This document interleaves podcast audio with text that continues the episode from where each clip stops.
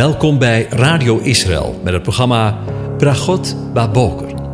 Een kort ochtendprogramma waarin een gedeelte uit de Bijbel wordt gelezen en besproken. Met Bragot Baboker wensen onze luisteraars zegeningen in de ochtend. Presentator is Kees van de Vlist.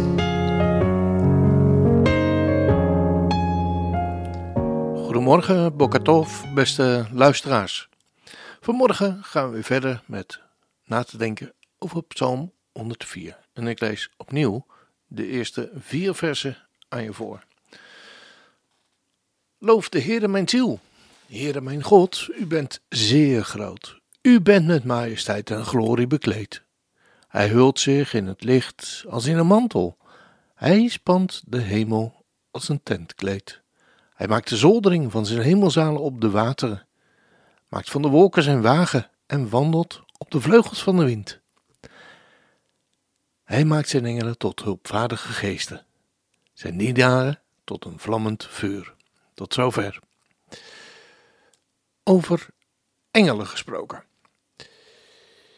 In de voorgaande uitzending stonden we stil bij de verschillende aspecten van Gods geest, Ruach, Elohim.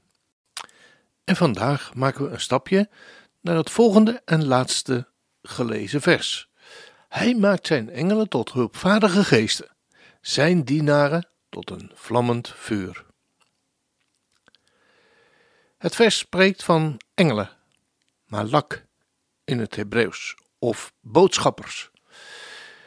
En ik wil met u de komende uitzendingen met u stilstaan bij deze door God geschapen wezens, die veelal in ons dagelijks leven zo ver van ons afstaan. En ik wil dat mede doen aan de hand van de tijd die binnenkort aanstaande is en waarin openbaring en de dag van de Here, de dag des Heren, binnenkort aan zal breken. Want in dit wonderlijke boek komen meer dan 70 teksten voor die betrekking hebben op de engelen. De dag van de Here zal dus als het ware gepaard gaan met veel openbaringen van engelen. Het is goed om daarop voorbereid te zijn. Dat de engel in het openingsvers van Openbaring wordt genoemd is belangrijk. Deze engel vergezelt Johannes tot en met het laatste hoofdstuk. De eerste zes hoofdstukken van Zacharia vertonen een opvallende overeenkomst. Engelen komen vaak voor in de geschiedenis van Israël. We vinden ze bijvoorbeeld al bij Abraham, we veel later in Hebreeën 13 vers 2 lezen, vergeet de gastvrijheid niet, want hierdoor hebben sommigen, en dat is onder andere dus Abraham, zonder het te weten engelen onderdak geboden. Maar misschien, wie weet, wist Abraham het wel. Engelen, hulpvaardige geesten, lazen we in Psalm 104. Het volk van God Israël ontving de wet door de dienst van de engelen, weten we uit Handelingen 7, vers 53. Want daar lezen we: U die de wet ontvangen hebt door de dienst van de engelen. En de apostel Paulus schrijft aan de Galaten in zijn tijd: Waartoe dient dan de wet? Zij is eraan toegevoegd omwille van de overtredingen totdat het nageslacht, met een hoofdletter geschreven, zou gekomen zijn aan wie het beloofd was. En zij is door engelen in de hand van de middelaar beschikt. Weer die engelen dus. In de vier eerste vier boeken van het Eerste Testament lezen we heel vaak over de engelen. We weten van de aankondiging van de geboorte van de Messias. Maar voor hen is tevens een grote en belangrijke rol weggelegd bij de wederkomst van de Here. Want we lezen in Matthäus 16 vers 22, of vers 27 moet ik zeggen, want de Zoon des Mensen zal komen in heerlijkheid van zijn Vader, met zijn engelen. Dat zal wat zijn moet je eens indenken dat hij straks op de wolken want dat hebben we eerder in de psalm overdacht, terugkomt naar deze aarde met zijn duizenden en duizenden engelen. En dat we hem dan zullen zien. Want we weten dat hij zegt: alle oog zal hem zien. Dat kan je toch haast niet indenken? Wat een ongelooflijke gebeurtenis. Wat een onvoorstelbare manifestatie zal dat zijn van zijn glorie en macht. Mag ik het zo eens zeggen? We zullen onze ogen, bij wijze van spreken, niet kunnen geloven. Want de Zoon des Mensen zal komen in heerlijkheid, in de heerlijkheid van zijn Vader, met zijn engelen. En in 1 Thessalonicense 4, vers 16 lezen we de woorden van Paulus, gericht aan de Thessalonicense. De Heere zal zelf, met een geroep, met de stem van een aartsengel en met een bazuin van God neerdalen uit de hemel. En de doden die in Christus zijn, zullen eerst opstaan. En in de brief aan de Hebreeën, notabene zijn eigen volk Israël, lezen we maar liefst twaalf verwijzingen naar engelen. En ik moet ineens denken aan dat verschrikkelijke liedje van Ron Brandstede. Bekende televisiepersoonlijkheid, een aantal jaren geleden. Engelen bestaan niet. En hoe vaak zou dit wel uit volle borst, wellicht door ontelbaar Nederlanders meegezongen zijn. Verschrikkelijk. Maar laat me dit zeggen: die in de hemel woont, zal lachen. Tegen degene die het idee van engelendienst ontkennen of bespotten, willen we eigenlijk alleen maar zeggen dat hun ogen geopend moeten worden. Een voorbeeld daarvan vinden we bij Elisa, toen hij tegen zijn knecht zei: Wees niet bevreesd, want die bij ons zijn, zijn meer dan bij wie hen zijn. Elisa bad en zei: Heere, open toch zijn ogen, zodat hij ziet. En de Heere opende de ogen van de knecht, zodat hij zag en zie. De berg was vol paarden en strijdwagens van vuur rondom Elisa.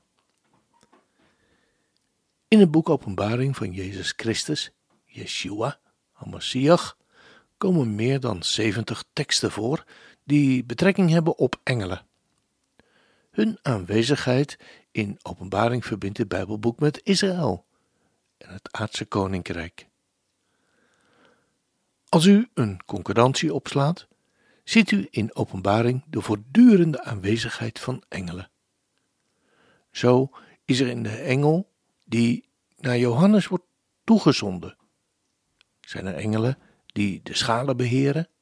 Zijn er engelen die de zegels, de plagen, de trompetten, het lijden, de wateren, de wind en de zeven gemeenten? Dit laatste willen we benadrukken, omdat dikwijls de engelen in verband met de zeven gemeenten worden gezien als bisschoppen of diakenen, doorzichthouders of de synagogen en dergelijke. Terwijl de Bijbel dit eigenlijk helemaal niet zo suggereert. De aartsengel Michael is de vorst die staat voor Israël.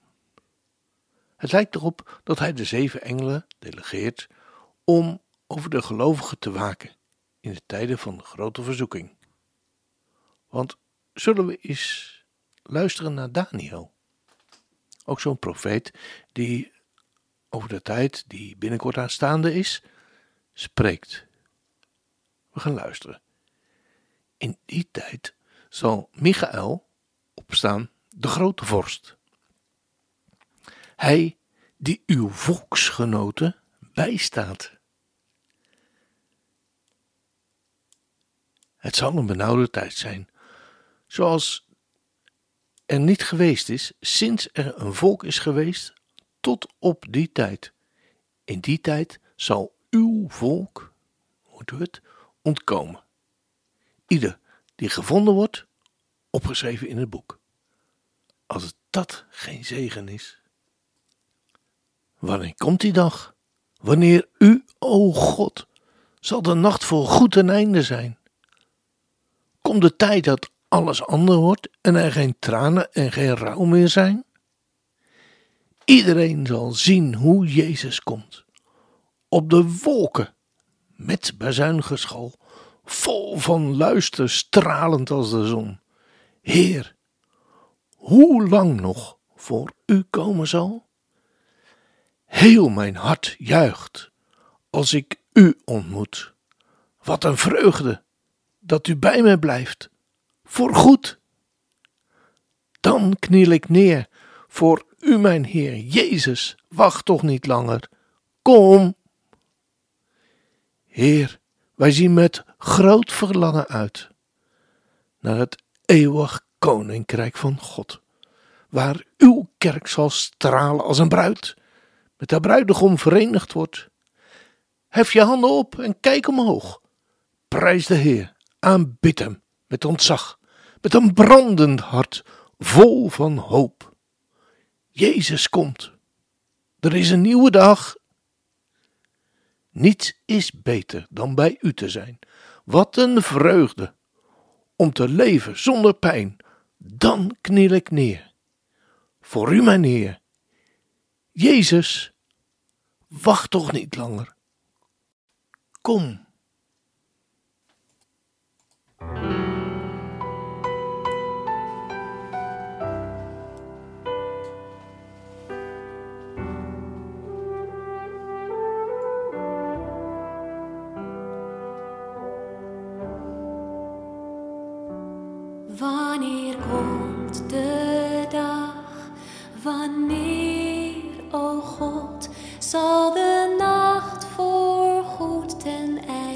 Zijn? Komt de tijd dat alles anders wordt, er geen tranen en geen rouw meer zijn? Iedereen zal zien hoe Jezus komt op de wolken met bazuingeschal. Vol van luister,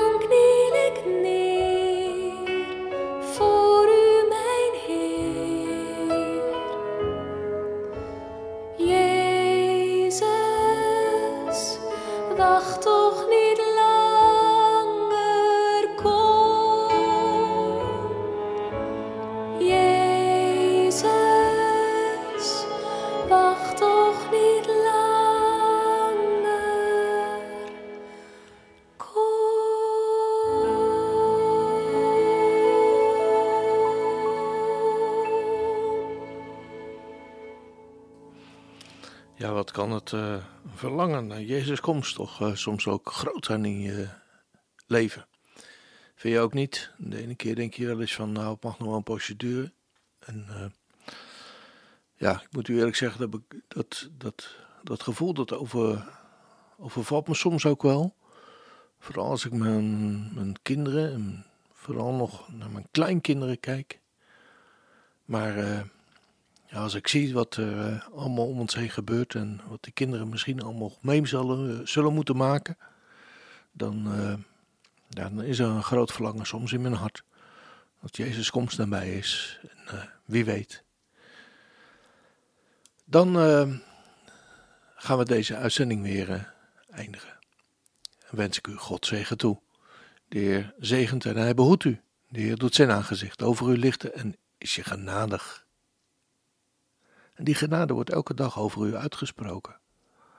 Ook vandaag weer. En hij geeft u zijn vrede. Shalom. Zijn vrede. Amen.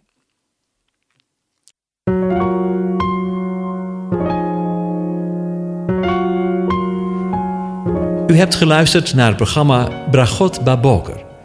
Een kort ochtendprogramma waarin een gedeelte uit de Bijbel wordt gelezen en besproken. Wilt u het programma nog eens naluisteren, dan kan dat.